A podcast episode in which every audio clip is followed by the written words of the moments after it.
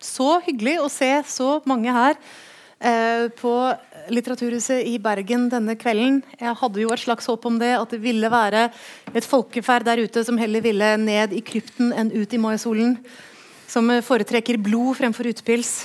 Eh, og her er dere altså og, og beviser at det stemmer. Eh, så det er fryktelig hyggelig. Jeg sitter her sammen med to formidable gjester som har litt lignende preferanser. Eh, det er nevropsykolog og forfatter eh, Mia Tuft og forfatter eh, Nicolai Frobenius.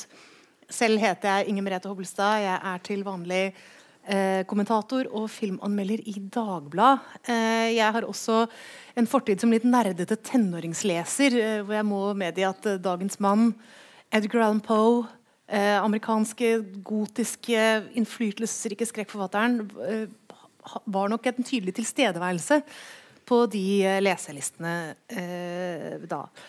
Og det var han kanskje for dere også. Eh, så, jeg hadde egentlig lyst til å begynne med å spørre dere, dere når dere oppdaget Edgar Allan Poes tekster, og, og, hvorfor dette var noe som fascinerte dere.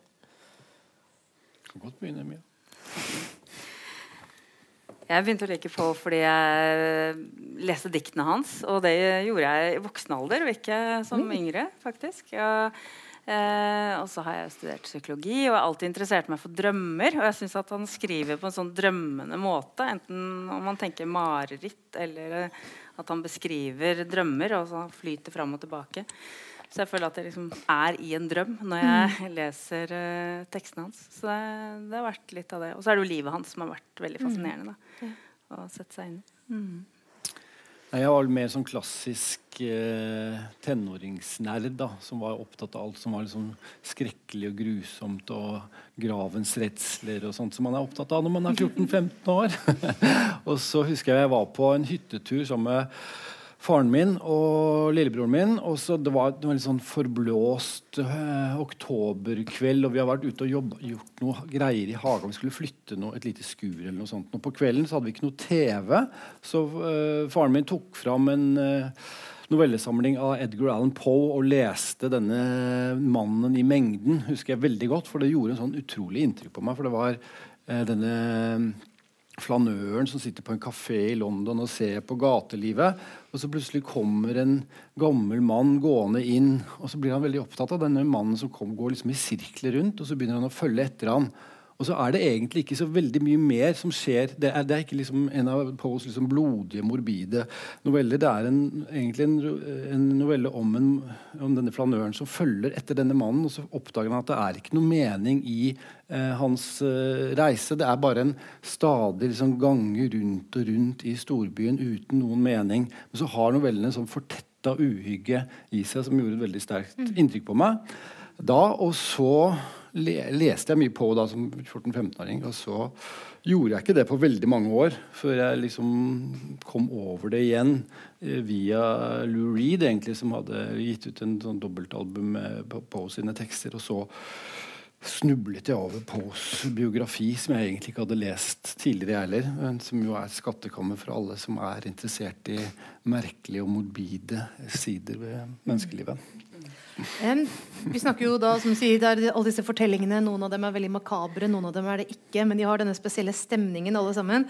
Uh, men bak disse fortellingene så ligger det jo et spesielt liv. Uh, en spesiell livshistorie, en spesiell barndom. Og, og, dere har jo faktisk begge skrevet uh, på hver deres måte om, om Edgar Allan Poes liv. Um, så jeg tenkte egentlig jeg bare skulle spørre dere altså, På hvilken måte tror dere at oppveksten hans eller livet hans altså, Hva er de sterkeste forbindelsene dere ser mellom det og det at tekstene hans ble som de ble? Det er jo eh, lett å kanskje trekke for tette forbindelser mellom eh, liv og verk, og det skal man jo være litt uh, forsiktig med. Men det er klart at Poe levde et utrolig spesielt liv. og vi må huske på at Dette er begynnelsen av 1800-tallet i USA. Det er på mange måter et samfunn som er i vekst, og som det er, det, er, det er, den ville Vesten på mange måter. det er Han kom jo fra en teaterfamilie. Moren var en veldig Eh, eh, kjent eh, skuespiller i Baltimore. veldig vakker vakker, et yndig vesen. Et fanta fantastisk fortryllende vesen som, på, som forførte Baltimore scene. Og så var Faren var, var egentlig en jusstudent som snubla inn i teatret, som sannsynligvis aldri skulle ha vært der. For han hadde jo en forferdelig sceneskrekk. Han var, ble lamslått når han sto på scenen og måtte drikke for å komme seg gjennom disse forestillingene.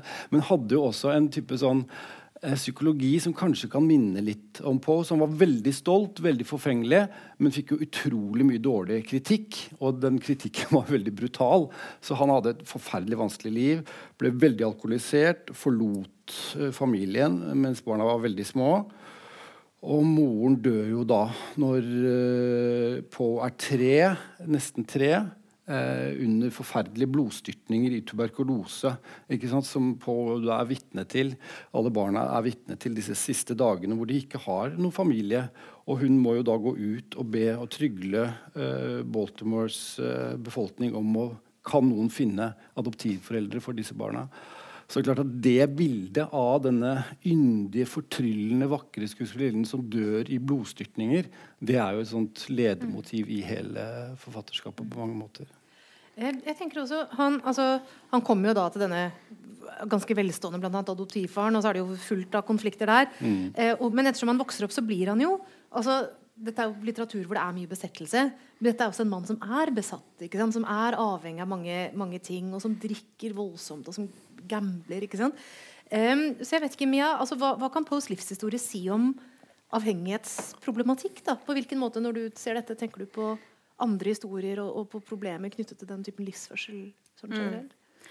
Ja, det er jo veldig altså Når man leser litteraturen også, tenker mm. jeg eh, Noen bidrar jo kanskje til å la, lage sånne myter rundt Poe, og at han, eh, ja, han drakk. Det var, jo, det var, jo, ganske sikkert. Men mm. også at han var ruset kanskje fra han var liten baby. Man kan lese noen kilder hvor det står beskrevet at han brukte Londonum, som eh, er jo en sånn opium og alkohol. Eh, eh, som var dynket, da, som han fikk eh, i munnen allerede som liten for å, at han skulle roe seg ned.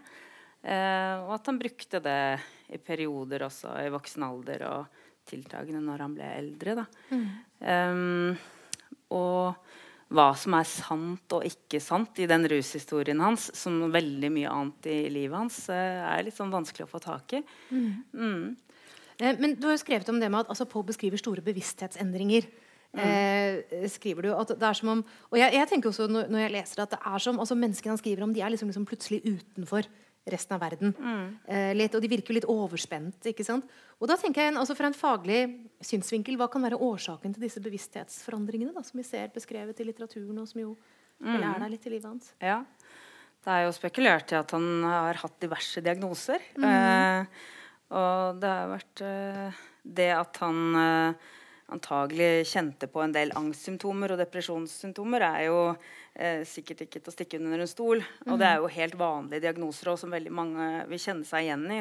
Og jeg tror kanskje det er litt av grunnen til at han er ganske populær òg. Ja, at mange som kjenner på litt angstfølelser eller litt tunge følelser, kan bli tiltrukket av det han skriver. For han beskriver det jo eh, veldig godt. Mm. Um, og noe av det er kanskje selvopplevd, selv om man, som Nikolai sier, at man jeg må gjerne skille mellom de to tingene, men at han opplevde eh, en del bevissthetsendringer, enten i rus mm. eller i form for anfall, da, som man ikke kan si helt hva slags type anfall det var. Mm. eh, var det eh, hallusinasjoner, eller eh, var det noe nevrologisk som ligger bak? Mm. mm. Så det har vært spekulert i om man kanskje hadde noen type epileptiske anfall, eller eh, noe som man kaller for pnes, som er ikke-epileptiske anfall, men som er mer psykogene anfall. Mm.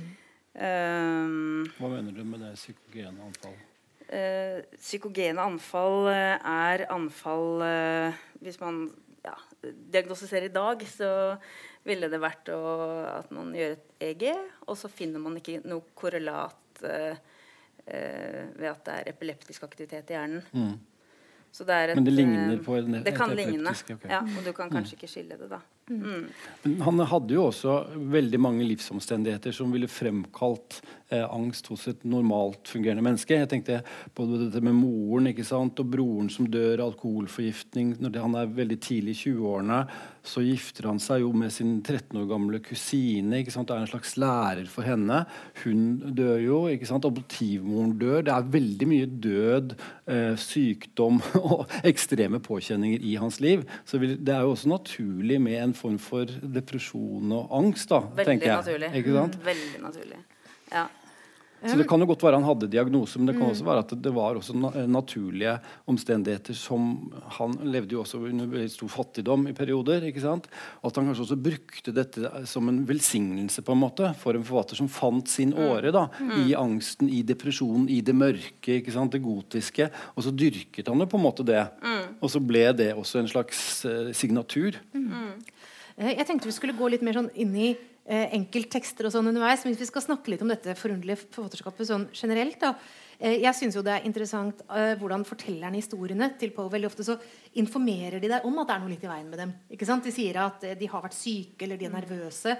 Eller så er det som er kanskje enda mer mistenkelig, det er at de benekter veldig iherdig at det er noe i veien med dem. De sier sånn nei, nei, du tror kanskje jeg er gal, men hå-hå, se, nå er jeg så rasjonell så at dette ville ikke noen gale mennesker gjort. Nei, nei, nei. Eh, så jeg tenkte, altså, Nikolai, hva tenker du at det gjør med leseropplevelsen? Og det at fortelleren så tydelig har et Ja, altså det er noe litt høynete eller litt nervøst eller litt utenfor bare stedet der de Nei, det er jo et veldig spennende grep. ikke sant? For Han eh, iscenesetter en forteller som eh, ofte later som han er i full kontroll, og gir oss liksom, sånn filosofiske utlegninger. Og så sier han som du sier ofte 'jeg er ikke gal' eller 'jeg er ikke nervøs'. Men hele setningsrytmen er jo så nervøs og så oppjaget at du får en veldig sånn eh, diskrepans da, mellom det han sier, og hvordan det virker. Og så brytes jo ofte disse liksom, Han lager sånne fornuftige rammer ofte, hvor man skal undersøke noe veldig vitenskapelig og analytisk. Og så brister denne analysen sammen i løpet av fortellingen, hvor det ofte inntrer noe som er en kontrast til dette fornuftstyrte, rasjonelle. Så kommer det irrasjonelle inn. Det primale, det voldelige. Frykten kommer inn som en kontrast, og så revner på en måte hele fortellerens univers. Og så går det jo ofte veldig dårlig. I løpet av ganske få sider så går det veldig dårlig med disse fortellerne. Og så faller hele dette uh, finstilte byggverket liksom sammen. Så det er, det er jo veldig dramatiske tekster. Og jeg tenker jo også at han har, har litt av det teatrale kanskje fra, også fra familien sin. da. Eh, Mia, du skrev til meg før denne samtalen at, at det å lese Poe det er som å lese drømmer og mareritt. På hvilken måte er det det? Altså, hvordan, hva er det ved disse historiene som minner om, minner om drømmer? Mm. Eh, han skriver jo en del dikt som handler om, om drømmer, blant annet. Eh, og så er det, det er jo ofte sånn at det, det er lag på lag, og du vet ikke helt. Det, det liksom sviver fram og tilbake. Men noe, noe av det han skriver, det er et, et dikt som jeg har vært veldig fascinert av, som heter 'A Dream Within a Dream'. Som, som jo i bare tittelen sier hvordan, hvordan han tenker. Og han øh, Ja, han eh, drømmer seg tilbake til eh, eh, ja, Eller han forsøker å få tak i eh, bevissthet og hukommelse om gode opplevelser han har hatt tidligere. Men det brister. da, Han mister det hele veien. Det forsvinner og forsvinner. Eh, sånn som det kanskje kan oppleves noen ganger i drømmer også. Eh, så han Det har er liksom et dikt han skrev ganske seint i livet, er det ikke Ja. det? Og Det, er, det er ganske rørende dikt, for ofte så er jo disse litt sånn analytiske og ikke så lett å få tak i alt. Men det er jo et veldig sånn emosjonelt dikt, egentlig, Ja. hvor han på en måte liksom, han ser litt tilbake på livet sitt og prøver å finne fram til hva var det egentlig som Ja. var godt, og så glipper det som sandkorn Ja. mellom fingrene. ja. Ja, for jeg leser det som et dikt som Det er mye sorg i det. Altså, for det er jo noe Han beskriver blant annet at han prøver å løfte opp gyllen sand, og det bare renner ut av fingrene på ham. Og det er ikke ett eneste korn som Mm. Nei, blir igjen. ikke da. et eneste lite ett kan han få noe. og så prøver han liksom å holde det hardere, men man vet hva som skjer hvis man liksom klemmer hardere Mm. på sand. Det bare forsvinner eh, i større grad. Da. Og så har han ikke engang ett lite ett igjen. Så Mm. det Ja. Altså, han snakker jo om gullkorn òg, sånne små små gullkorn. Og det var jo midt i gullrush i USA òg, så jeg vet ikke om han var inspirert av det. Men liksom det å det med, dette med gull, da, og at han på en måte mister også gull, kanskje i form av kjærlighet, eller Og han har også mistet veldig mange verdier i løpet av livet. Han, eh, han kom jo, han ble jo egentlig adoptert, eller ikke formelt adoptert, da, inn i Mm. en familie, men, eh, men arvet jo ikke en eneste dollar Mm. eller et eneste lite gullkorn fra den familien. Mm. Så han sto jo veldig på bar bakke og måtte klare seg selv. Og var den, også den aller første forfatteren som forsøkte å livnære seg på det å, bare det å skrive. Og det var ikke enkelt på den tiden. Og alle utnyttet han pga. dette også, fordi at han, eh, han var, de visste hvor eh, gjerne han ville skrive. Og visste at de kunne betale han litt lite for det arbeidet han gjorde. Så den er ganske symbolsk på mange måter, det diktet. Men uh, dette med drømmer er jo også, ja, også mareritt, da. Ja. Um, og, og apropos det altså, jeg vet ikke om, Dette er et veldig stort spørsmål, men jeg vet ikke om det er mulig å si noe Fordi Paul er jo skummel, og det er noe med at han starter en sånn skummel tradisjon nesten i litteraturen. Og når du sier det med marerittaktig eh, Du Nikolai, har jo skrevet en roman som handler om Paus som heter 'Jeg skal vise dere frykten'. Og En av de historiene du, skriver om der, er Poes historie 'Berenice'. Eh, og hvor det er en ung kvinne, og det er litt sånn er hun død, er hun ikke død? Men det er hvert en person som åpenbart fjerner tennene fra munnen hennes. Og bare det er jo en helt sånn marerittaktig, sånn at noen liksom fysisk tar ut tennene fra munnen din. Altså hva eh, Jeg vet ikke, hva tenk, Hvorfor er dette så uhyggelig? da? Så vemmelig, disse Nei, nei, altså på mange måter så er jo han en overgangsfigur til eh, eh, modernistisk litteratur. ikke sant? For eh, Subjektets oppløsning og sånn er jo noe- for, øh, foregår jo det. Men i skrekknovellene så er jo ofte at subjektet faktisk helt fysisk også faller fra hverandre.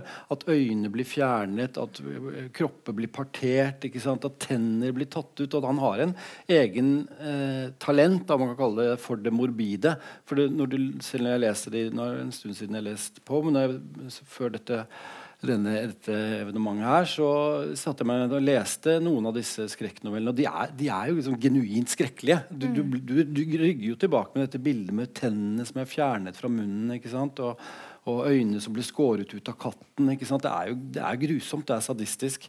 Og eh, hvorfor eh, det er, jeg vet ikke, Kanskje fortjenesten hans også er at han tør å stå så tett oppi en fryktsituasjon uten egentlig å ta som stor moralsk avstand. og Det er kanskje det som gjør det opprørende.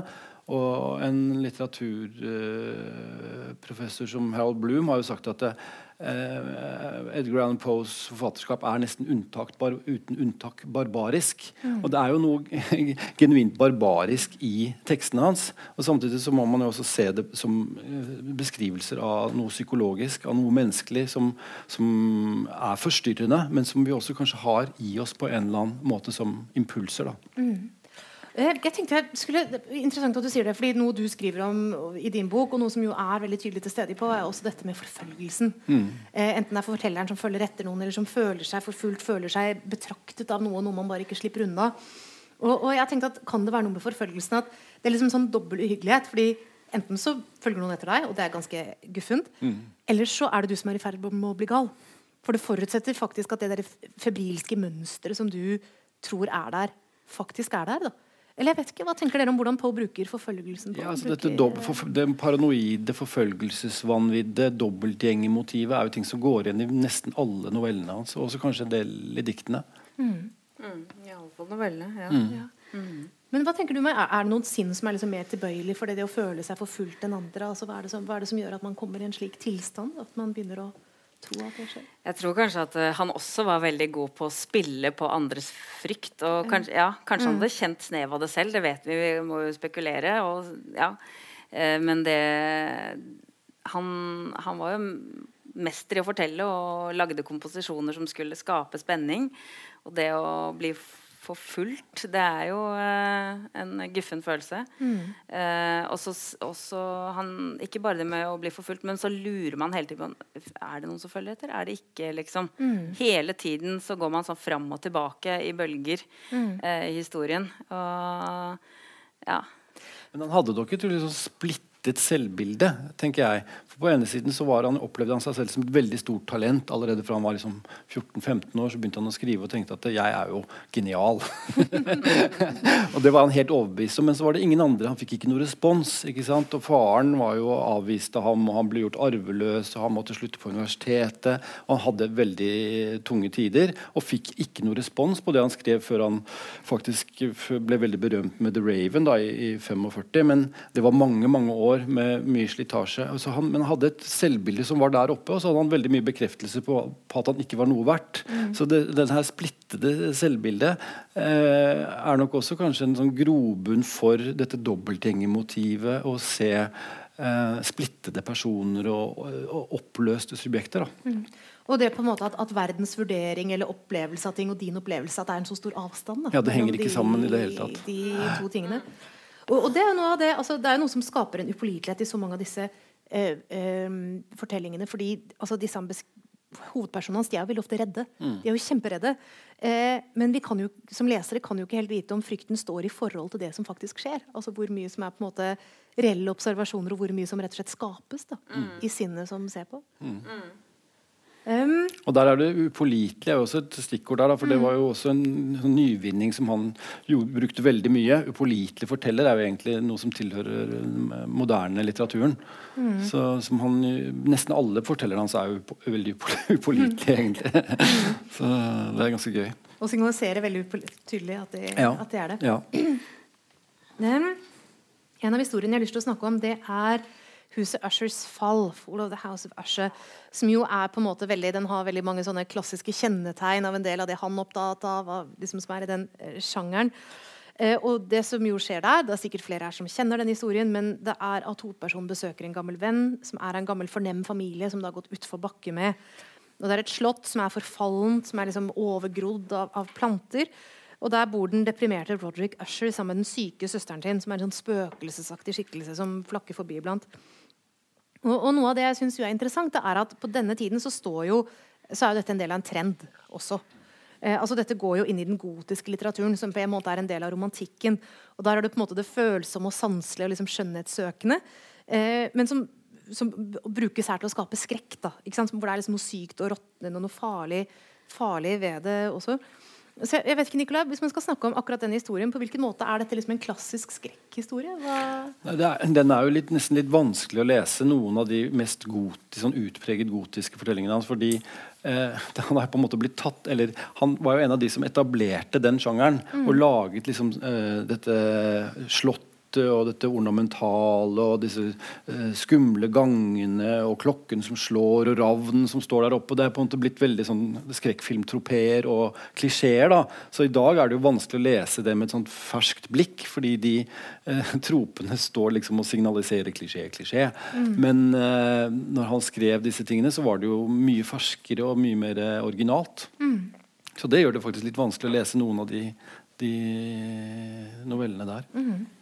Men er ikke dette også, apropos disse temaene som går igjen hos Poe, det er jo noe med disse store og mektige, gjerne adelige familiene som det ikke går bra med. Altså, mm. Kan vi også se for oss at det er noe i hans opplevelse, kanskje bare hans innstilling som forfatter, da, som gjør ham spesielt opptatt av dette? altså av forfallet da. Ja, men Han kom jo også fra Allen-familien, som, var, eh, som drev en bomullsfabrikk vel Tobakk var det kanskje. ja. Mm. Og hadde veldig mye penger. Og Alan var en stor skikkelse ikke sant, i Richmond i sørstatene. Og for, han ble jo avvist av dette her. ikke sant? Kuttet ut av faren. Ikke noe mer penger til studier. Du må klare deg selv. Eh, og Der ligger kanskje en sånn morbid glede også for å skildre forfallet mm. i en sånn mm. familie. da. Mm. Det er jo veldig sjokkerende når de hadde én person å ta vare på, og det var eh, Edgar. Og mm. så skulle han begynne på universitetet, og så vil ikke adoptiv, eller ikke den formelle adoptivfaren, da, som han aldri ble, men uh, han ville ikke støtte han nok økonomisk mm. til at hun kunne klare seg. Og når han ville utgi sin første bok, så ville han ikke støtte han økonomisk, så han kunne få utgitt den. Mm. mm. Han opplevde nok Edgar som veldig snørrhoven og full av seg selv, og det var, det var han nok også på en måte. Men det er jo veldig sånn brutalt, da, en veldig brutal avvisning. Så det ligger nok noe sånn som du sier, eh, fascinasjon for denne liksom, adel, adel, Det er kanskje det nærmeste man kommer en form for adel da, i, mm. i USA. eh, med de store bedriftene der nede. Men det er også noe med, er det ikke det at altså, jeg tenker denne familien som mister posisjon, mister kontroll og, og det kan jo ses som også en variant av en del prosesser som beskrives her. Da, som er, altså det er jo mange prosesser i postforfatterskap som er disse destruktive prosessene som du ikke klarer å hindre. Eh, altså At du er liksom maktesløs overfor enten du er fanget i malstrømmen eh, rent fysisk eller um, og, og, det med å merke at din egen kraft og din egen kontroll, det, det er det er veldig begrenset da, når det gjelder hva som skjer med deg. Um, så, så, jeg vet ikke mye, altså, hva, hva, tenker du om måten han beskriver liksom, tap av kontroll på? da? Altså disse tingene som glipper? Jeg tenker at uh, han, han, beskriver jo veldig sånn at man trekkes ned, som du sier. ikke sant? Mm. Helt, det går aldri bra. Det går bare nedover og nedover. Ofte så er det en sånn uh, ja, Det er sikkert mange som har lest uh, The Raven, men jeg tenker mm. der er det jo en veldig sånn klassisk At det sitter en ravn og hakker og sier hele tiden. Han, han, han har liksom et håp og spør og spør. Mm. Eh, hvordan kommer dette til å gå? Han har da, eller bak, Bakhistorien er jo at uh, han, eh, det er en mann som sitter og, og, savner sin kjære som han har mistet, som er død. Og det er jo en periode, en siste del av, av livet hans også, egentlig. Eller, uh, hvor han skjønner at uh, sin egen kjære kommer til å dø da, av mm. tuberkulose, som han har opplevd mange ganger tidligere i livet med, med tap. Og hvor det da sitter eh, en, eh, en, ravn og forteller han dette, dette går ikke bra. 'Nevermore' er liksom alt den ravnen kan si. og det blir jo som en sånn eh, ja, styggen på ryggen på en måte, som sitter der hele tiden og trekker ned. Dette, dette går ikke bra. Nei. Um, at det er noe veldig depressivt over det. Det er veldig depressivt altså det med at det er et eller annet som tyder på at ingen veier du ser ut, at alt virker håpløst samme hvilken mm. mulighet du vurderer. Mm. Mm. Vil vi kunne gjenforenes? Nei. Vil vi kunne noen gang mm. komme sammen? Nei. Mm. Men det er klart, du, det, er jo, det er jo mange også teorier og hypoteser om at han hadde et veldig sånn vanskelig forhold til alkohol. Mm. Og klart at Dette med tap av kontroll og sånn kan jo også leses inn i at han hadde perioder hvor han liksom mistet kontroll over mm. rusbruken og ble veldig alkoholisert. Og, og det, det, kan jo være skilder liksom, Det er i hvert, mm. hvert fall paralleller der, da. Ja. Mm. Ja, og da kan man jo også Man kan jo høre på den stemmen som sier 'nei, dette greier du ikke, ta flaska'. Ja. ja. Så, mm, mm. Apropos styggen på ryggen. Ja. Ja. Når man har vært gjennom sånne runder, da, igjen og igjen og igjen, så virker det ikke som om neste runde skal ende noe annet sted kanskje enn den, den forrige runden eh, gjorde. Det er det som er opplevelsen og historien. Ja. La oss snakke litt mer om, om, The Raven, fordi dette er jo en av de mest selvfølgelig berømte tekstene. Eh, Edgar Allan Poe eh, noensinne skrev. Jeg skulle hatt en sånn stor ambisjon om å lære meg det utenat eh, denne famøse ungdomsskoleperioden. Jeg tror jeg kom sånn halvveis eller noe. Det er et veldig suggererende dikt. ikke sant? Veldig taktfast. er dette mm. nevermore hele tiden. Og som du sier, her er det jo en mann igjen som sitter i en litt forstyrret sinnstilstand. Eh, og dette igjen har noe med å gjøre med en litt mystisk ung tapt kvinne som heter Lenore. Mm. Eh, og, og det, hvor han prøver å komme seg ut av denne sorgen og videre, men får liksom hele den der ravnen som flyr inn hos ham og setter seg der, som hele tiden får, eh, gir ham beskjed om at det er nok nytteløst. Og The Raven er på en måte altså Det må vel være den mest parodierte teksten han har også. ikke sant? Altså Jeg tror det finnes sånn én million coverversjoner eller spoofs. Jeg husker at denne tegnefilmserien Animaniacs hadde en sånn versjon med andre rim på The Raven. Ja, ja, ja. Hva, hva, er det ved The Raven som gjør at det er så berømt, og også at det er så ikonisk på den måten? At folk kan parodiere det, og du vet med en gang hva det er som parodieres. Hva tenker dere? Nei, det er jo fantastisk skrevet. Veldig sånn eh, melodisk og nesten sanglig dikt. ikke sant? Så det er veldig suggestivt skrevet. Men det er jo også noe med denne ravnen som er på en måte naturen. Det litt sånn gåtefulle som står og hakker liksom løs på utsiden av, og som ikke gir mening. Som er det mm. kanskje irrasjonelt, gåtefullt, og som sitter der og minner deg på at du forstår ikke, du forstår ikke, og kommer å, alt kommer til å krakelere og falle fra hverandre. Så det er jo Men han har jo en slags sånn humor inni, mm. inni det òg, syns jeg. Ja. En sånn morbid humor. Han, denne stakkars fyren som sitter der og tenker på sin skjønne Leonore som ikke finnes lenger. Og så kommer denne ravnen som måtte ha en sånn ekkel påminner som sitter og dulter deg i skulderen. Ja, ja, det er jo noe sånn komisk i det òg, som kanskje mm. gjør det ikonisk òg, da. Mm. Så er det, ja kanskje liksom selve huset som har kommet til, er liksom sjelen hans. Men det, blir på en måte, det kan bli litt oversvulstig. Da. Mm. det er kanskje det som gjør at det, det vipper over. Ja. Og så, ja, eh, det er jo f.eks. death metal-band som har eh, Ja, de bruker, de bruker The Raven som tekst, da. Mm. Mm, og setter melodi til. Og ja, dystre bilder bak. Men det er noe sånn når jeg, når jeg, ser den musikkvideoen, så liksom heller det over til at det også er litt sånn Det er noe litt uh, komisk der som du, mm. du, er inne på, men mm. samtidig veldig dystert. da for Det er på en måte dette veldig overspente som jo er litt som ja. dette å parodiere. Men så ja. vet man, er det kanskje en liksom bevissthet der også om at man er det er den selvbevisstheten. Også, jeg, ja, jeg leser ofte en humor inni Edgar Allan Poe òg, ja, fordi han har en ironi i forhold til disse fortellerne sine. Han ser dem på en måte på en litt sånn armlengdes avstand, litt sånn skrått blikk mm. inn på dem. Når de sier jeg, 'men jeg er jo ikke gal', mm. og så mm. vet man jo at da kommer det en vanvittig galskap om liksom to sider. Så det er en veldig fin humor der, syns jeg. Ja. Mm. Men det er jo litt interessant det med disse dyrene også. For én ting er jo ravnen i The Raven, mm. men det er jo også katten i, i den mm. novellen som heter 'Svarte katten'. Uh, at på en måte så blir jo disse dyrene også tegn på at det er snakk om forstyrrede sinn som projiserer veldig mye inn i disse dyrene. For disse dyrene sitter jo ikke og bebreider dem, å, men, men, det leses jo veldig sånn som de gjør det fra, fra disse fortellernes side. da. Ja, det er jo på det bestiale eller det primale òg, da. Ikke sant? Han mm. bruker ape, bruker katt, bruker hund, bruker, bruker ravnen. ikke sant? Ofte, ofte som en sånn kontrast til den menneskelige fornuften som prøver å gi, me gi, mening til tilværelsen. Og så kommer naturen og minner deg på at ja, men du er jo bare et dyr. Du, mm. dette kommer til å, du kommer til å bli syk, du kommer til å dø, du kommer til å falle fra hverandre. Og ingenting av dine bestrebelser kommer til å ha noen verdi for ettertiden. Mm. Mm. Så bruker han kanskje litt sånn dyr som er forbundet med litt overtro. Sånn som mm. en sort katt eller mm. en sort ravn. da som, mm. Eh, mm. Det er sånne heksedyr. Ja, ikke sant. Og det har jo vært brukt uh, Jeg tenker på det med, med ravn òg. Det har jo vært brukt f.eks. Odin hadde jo Hugin og Munin, mm. som var uh, De kom tilbake. Det var, det var tanke og hukommelse. De, de, var ute i verden, og så kom de tilbake til til Odin og fortalte han sannheten. Og mm. ravnen sitter jo der liksom også forteller mm. eh, hovedpersonen sannheten, da. Mm. Um, mm. Sånn sterkt bilde. Ja.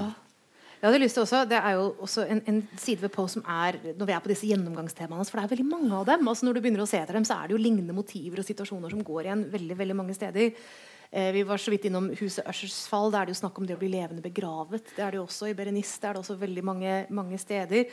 Um, og, og, det er også Jeg har vært opptatt av en, en hevnefortellingen som heter 'Cask Montiado, Amontillado'. Og Der er vi inne i hodet på en mann som er rasende på en annen mann. Eh, og han sier at han, denne mannen har fornærmet meg. Eh, men vi vet aldri helt om det stemmer. da Men det som skjer er at hovedpersonen lokker denne mannen ned i en krypt og lover ham at det er en tønne med amotiado, altså som er en slags eh, sherry. Ja. Mm. Og deretter murer ham inne levende i krypten. Mm. Så altså, begge deler, det å bli levende begravet, det å bli liksom sånn, skjønne at du er i ferd med å bli murt inne, det er jo sånne marerittscenarioer. Apropos det du sier om mareritt. Men hvis vi skal plukke det, altså, hva er det ved de to scenene som er så utrolig hyggelige? Da? Hvorfor er det på en måte en av de verste måtene man kan se for seg å dø på?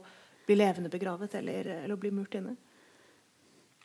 Nei, det er jo kanskje det der å øh, våkne opp å være bevisst, men ikke kunne røre kroppen. At det er en liksom, frakobling mellom bevissthet og kropp. Da, mm. Og natur og bevissthet igjen. Eh, man kan jo ha sånne marerittsituasjoner hvor man våkner opp, men ikke altså, Når du sover, så er jo eh, kroppen eh, lam fra hodet og ned. Og det er jo fordi vi ikke skal utføre alle de tingene vi gjør i drømme.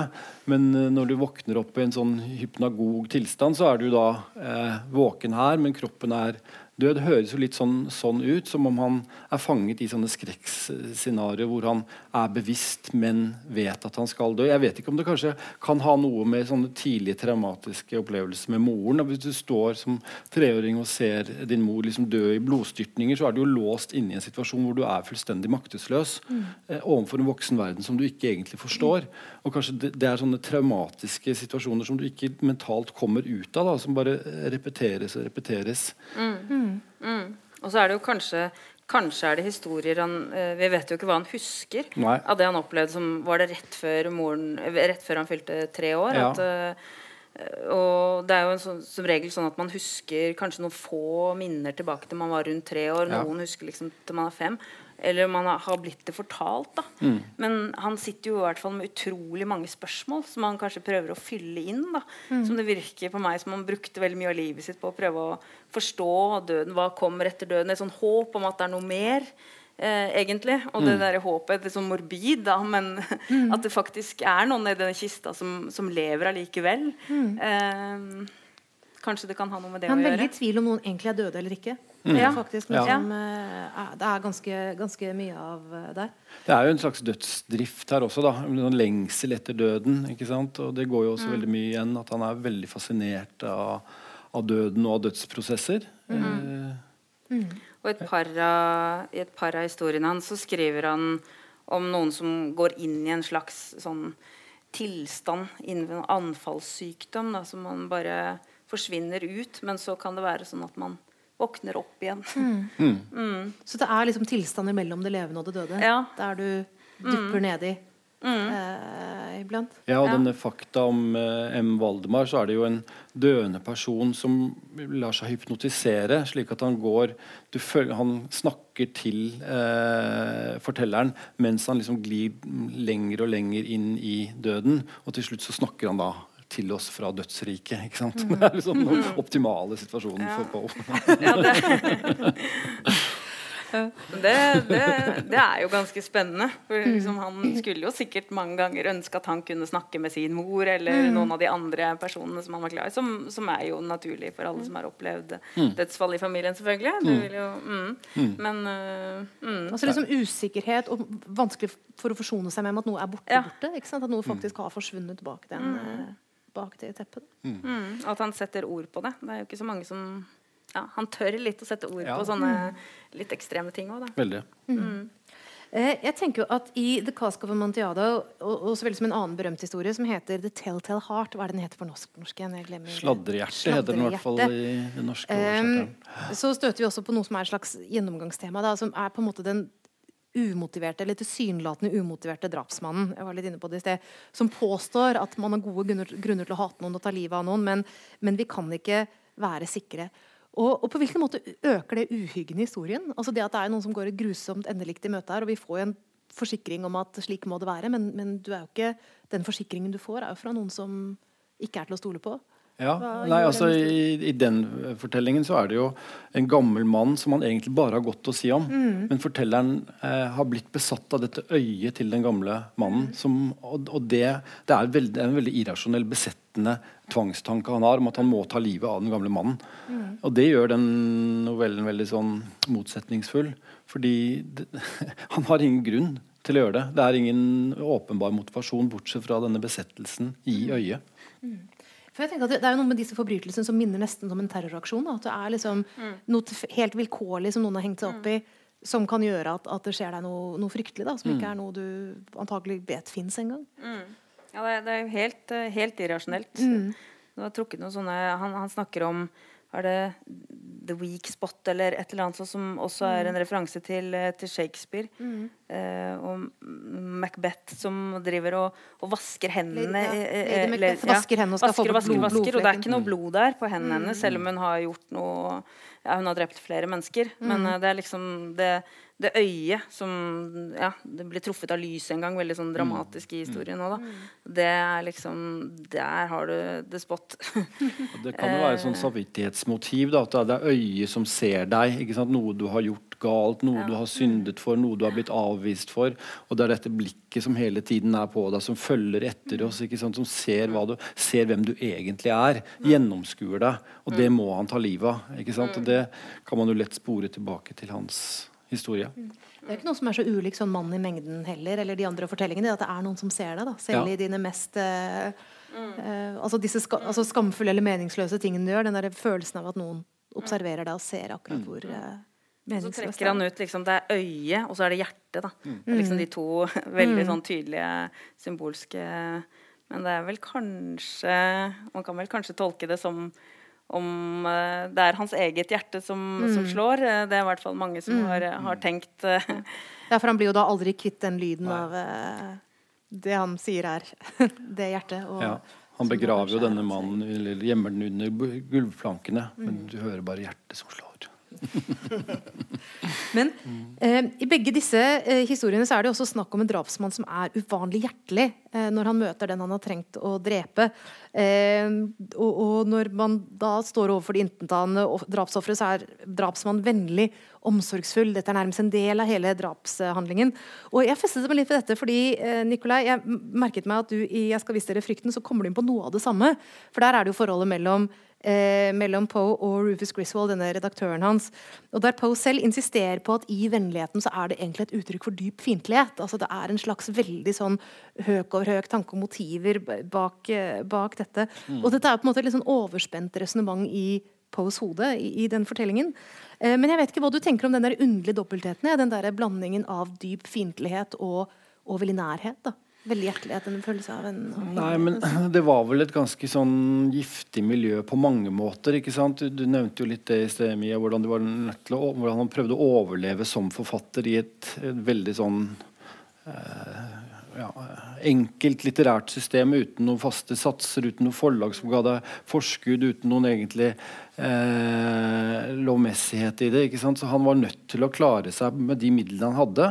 Og, og Grisfold, som var en veldig kjent redaktør, og Poe ble jo på, på, mange måter avhengig av hverandre. Og, og, og, I det så lå det også en rivalisering, for de hadde veldig ulikt syn på litteratur og hva, det, hva litteraturen skulle gjøre, om det skulle være moralsk eller om den skulle søke etter det skjønne.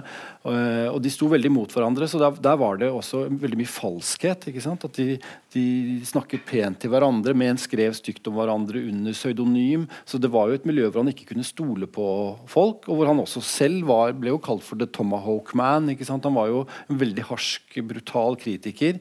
Eh, og Noen ganger skrev han under eh, sitt virkelige navn, noen ganger skrev han under pseudonymer.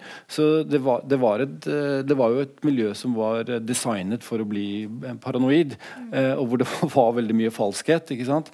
Sånn at det er kanskje ikke så rart at disse karakterene har flere lag, men det, det gir jo også en slags undertekst i, i novellene. da. Mm. På hvilken måte handler dette om skam? Altså jeg tenker den følelsen at du blir observert. Altså, Poe levde jo et liv som, hvor det var mye rart som ikke var en som anstendig i det hele tatt. Han beskriver personer som gjør uhyrlige ting, og som er åpenbart i konflikt med seg selv. Men altså den følelsen at man på sitt mest kanskje ukontrollerte eller ynkelige blir sett eller blir fulgt med på? Eller, altså, er, er skamfølelse en vesentlig side av saken her? Man kan jo absolutt få inntrykk av det. Mm. Og eh, ja, det er mange som har eh, ja, tenkt at eh, ja, Freud og Poe de må jo ha noe veldig mm. De må jo ha veldig mye til felles. Og Freud er jo veldig opptatt av skam, og, men det er jo veldig mye det han tematiserer. Det er også et sånt gjennomgangstema eh, hos Poe. Og det hadde jo vært litt interessant å sett de to i, i samme mm. rom.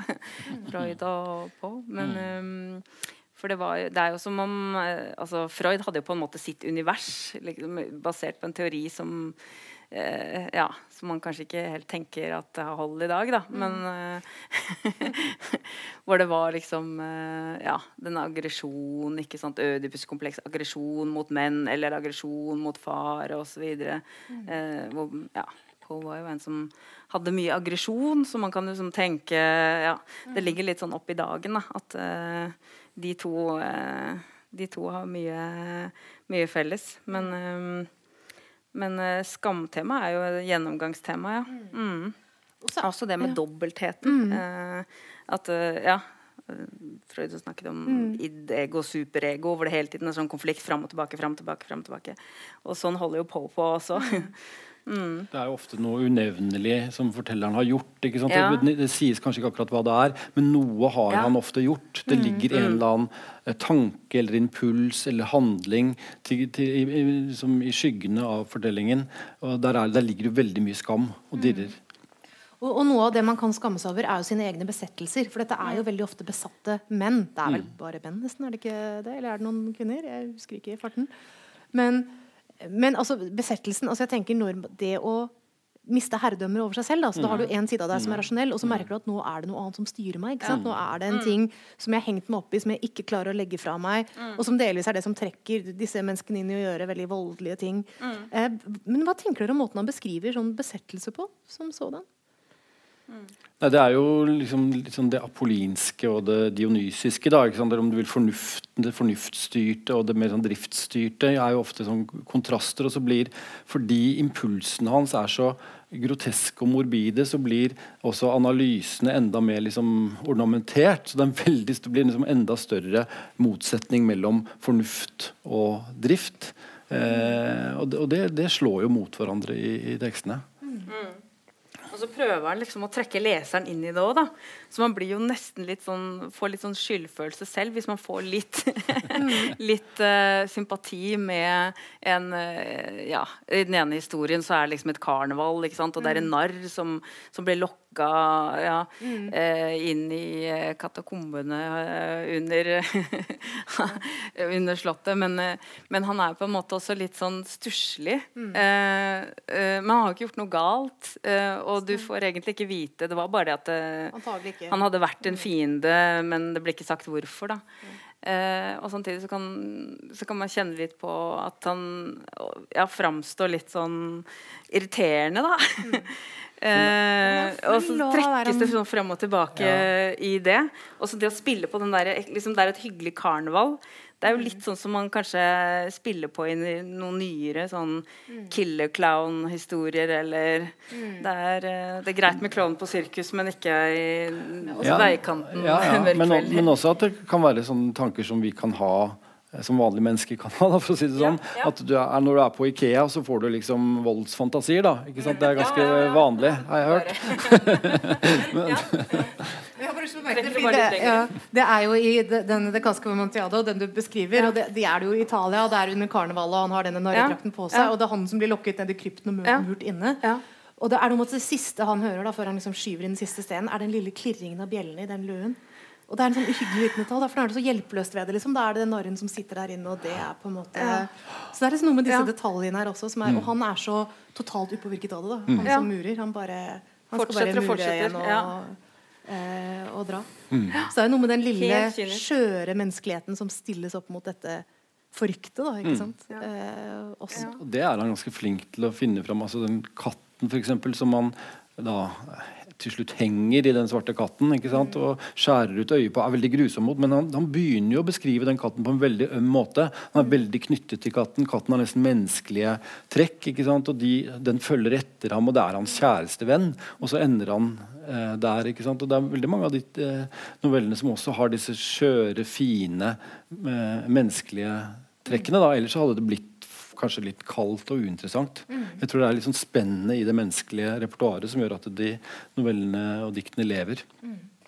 Um, vi skal ta, høre om salen har litt spørsmål, tenkte jeg. Men bare en, en ting, siste ting jeg tenkte jeg skulle spørre om før det. Vi har jo vært inne på det et par ganger at, at en del av dette har blitt stereotyper og grep i skrekksjangeren. ikke sant? Det Poe skriver om. Men hvis vi skal prøve å identifisere det, altså hva er det dere ser som vi tenker er liksom posk. da, ikke sant? Altså I sjangeren i dag, hva er det, som er, hva er det han har gjort som liksom har blitt, uh, blitt klisjeer eller blitt grep? Ja, det, det, er veldig mye som er blitt klisjeer og grep. Da. Alt mm. fra liksom, detektivhistoriene hans til, til liksom, den gotiske fortellingen. Og, eh, det er jo brukt utallige ganger dette med, med ravnen og forhastet bisettelse. Folk som blir levende begravd ikke mm. sant? og innes, innemurt og alt dette her. Men så er det jo også liksom, mer sånn, på et psykologisk nivå dette med at han eh, tør og har den dristigheten til å stå så nær inntil liksom, paranoide eh, irrasjonelle, fryktbaserte tankemønstre. Og det tror jeg kanskje er hans største fortjeneste ved siden av de mer sånn tropene som han har laget. Så er jo det mer psykologiske og innsikten i dette liksom, menneskesinnet som er helt på grensen av sammenbrudd. Mm. Ja. Mm. Har du ja, Så tenker jeg på alle symbolene som han også har vært med å skape. Som, mm. som brukes igjen og igjen. Mm. ikke sant? Disse slottene litt sånn mosegrodde, og det er uh, det er bjeller som ringer, og det er eh, svarte katter og ravner. Og, ja. det er et univers. Ja. Og det er, det er, veldig mange som er på vei gjennom en krutt med en fakkel. På et eller annet tidspunkt slo det meg. Det liksom, eh, gikk gjennom dette litt eh, på nytt. Mm. Um, ja, da har vi fått sagt det ene og det andre her oppe fra. Er det noen som har uh, noen spørsmål?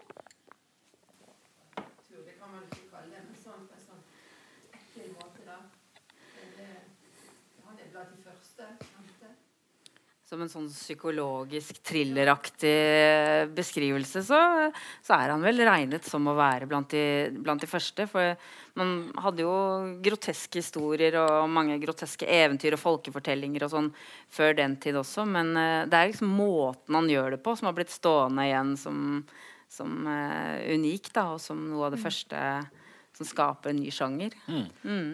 Eh, altså, hvis du ser, altså, En del av de motivene han bruker, fins der allerede og er en del av romantikken. Uh, altså dette med disse liksom dystre slottene, og det var en mørk og stormfull natt, og det er fangehull, og det er unge kvinner, sykelig unge kvinner i hvit kjole. Og? Altså det, det, var, det, var, det en del som hadde benyttet seg av. Og når du ser Da Jane Austen skrev sin første roman, 'Northanger Abbey', så er jo den delvis en parodi på den sjangeren. Så allerede er det en del grep som er såpass etablert at det fins en parodi på det. Men jeg tenker at når det gjelder det psykologiske i det, og den måten han bruker fortellere på, eh, og måten du kommer så veldig inn i det der syke sinnet, da, så er vel det noe han Det tror jeg ikke helt disse gotiske, mange av disse gotiske forfatterne gjør. på samme måte. Nei, han, altså, han, er jo kjent som oppfinneren av detektivfortellingen. Eh, men også også skrekkefortellingen på en måte. Selv om det selvfølgelig finnes skrekkelige fortellinger og, og groteske fortellinger. Mm. Så kanskje den måten å bygge opp narrativene på var vel han en av de første som gjorde. i hvert fall. Fordi De fortellingene jeg snakker om, de er mer sånn som ligner utvendig, men de mm. blir også veldig melodramatiske. ikke mm. sant? De har ikke den der, så mye av den dybden i seg som, som det han har. Mm.